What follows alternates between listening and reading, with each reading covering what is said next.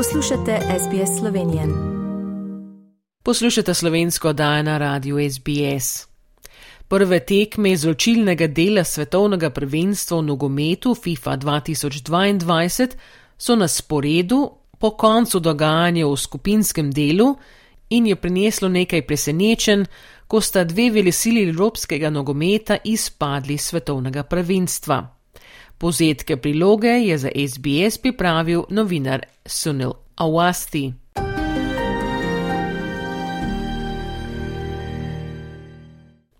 Anglija je v tretjem krogu premagala Wales s 3 proti nič in osvojila prvo mesto v skupini B. Združene države Amerike so v tretjem krogu premagali Iran z 1 proti nič in osvojili drugo mesto v skupini B, ter se vrstili v nadaljevanje tekmovanja. Nizozemska pa je v tretjem krogu premagala gostitelje tekmovanja z 2 proti nič in osvojili prvo mesto v skupini A. Katar je nastope končal kot najslabši gostitelj v 92-letni zgodovini svetovnega prvenstva. Senegal pa je v tretjem krogu premagal Ekvador z 2 proti 1 in se tako vrstil v osmino finala. Američane v osmini finala, ki so bili na zadnje leta 2014, čaka tekma z Nizozemsko, ki bo jutri zjutraj. Angleži pa se bodo pomerili Senegalci v ponedeljek zjutraj. Avstralija pa je v tretjem krogu premagala Dansko z eno proti nič in se prvič od leta 2006 uvrstili v osmino finala. Zmaga proti Danski je Sokorus prinesla v izločilne boje, a šele po živčnem obračunu. Ob izidu nič nič o polčasu se je obetal živčen drugi polčas. Kar pa se je na to zgodilo, je narod razburil od veselja. Takole sta opisala zadetek komentatorja SBS-a David Bashir in Luke Wilshire. Goldberg goes down. Sutar recovers. And a break here for Riley McGree. It's on for Matthew Leckie. Matthew Leckie cuts back inside. One way, then the other. And he scores for Australia. Matthew Leckie embraces the moment for the Socceroos. Brilliant composure from Lecky in the box. Turned him inside out, taken onto his left foot, and what a finish across goal. Fantastic counter attack. Čustva so prikepevala na igrišču in po celi Avstraliji.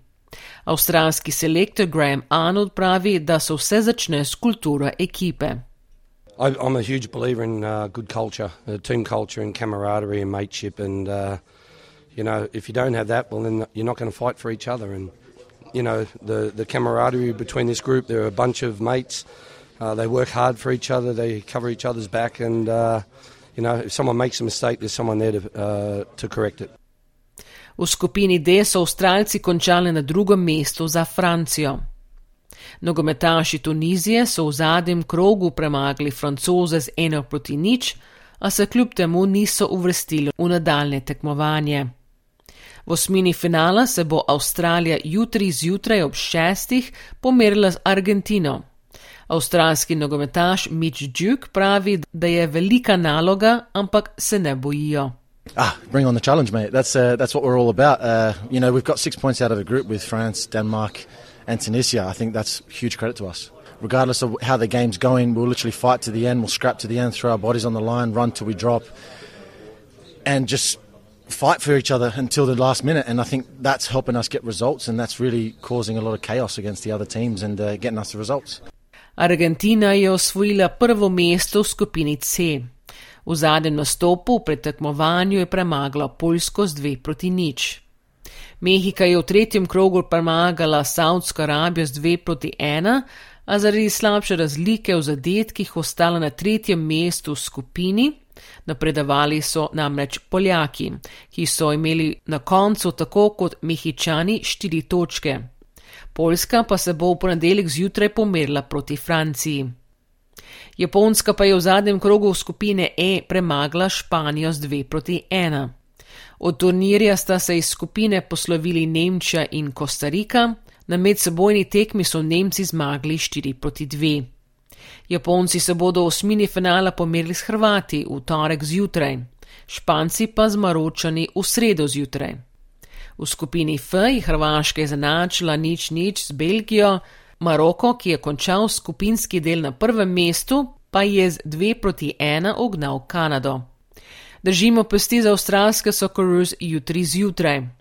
Vsako sekunde svetovnega prvenstva v Katarju pa boste lahko še naprej v živo spremljali na SBS-u, na digitalnem radiju, na spletni strani Radia SBS, mobilni aplikaciji Radia SBS, televizijskem kanalu SBS in SBS On Demand.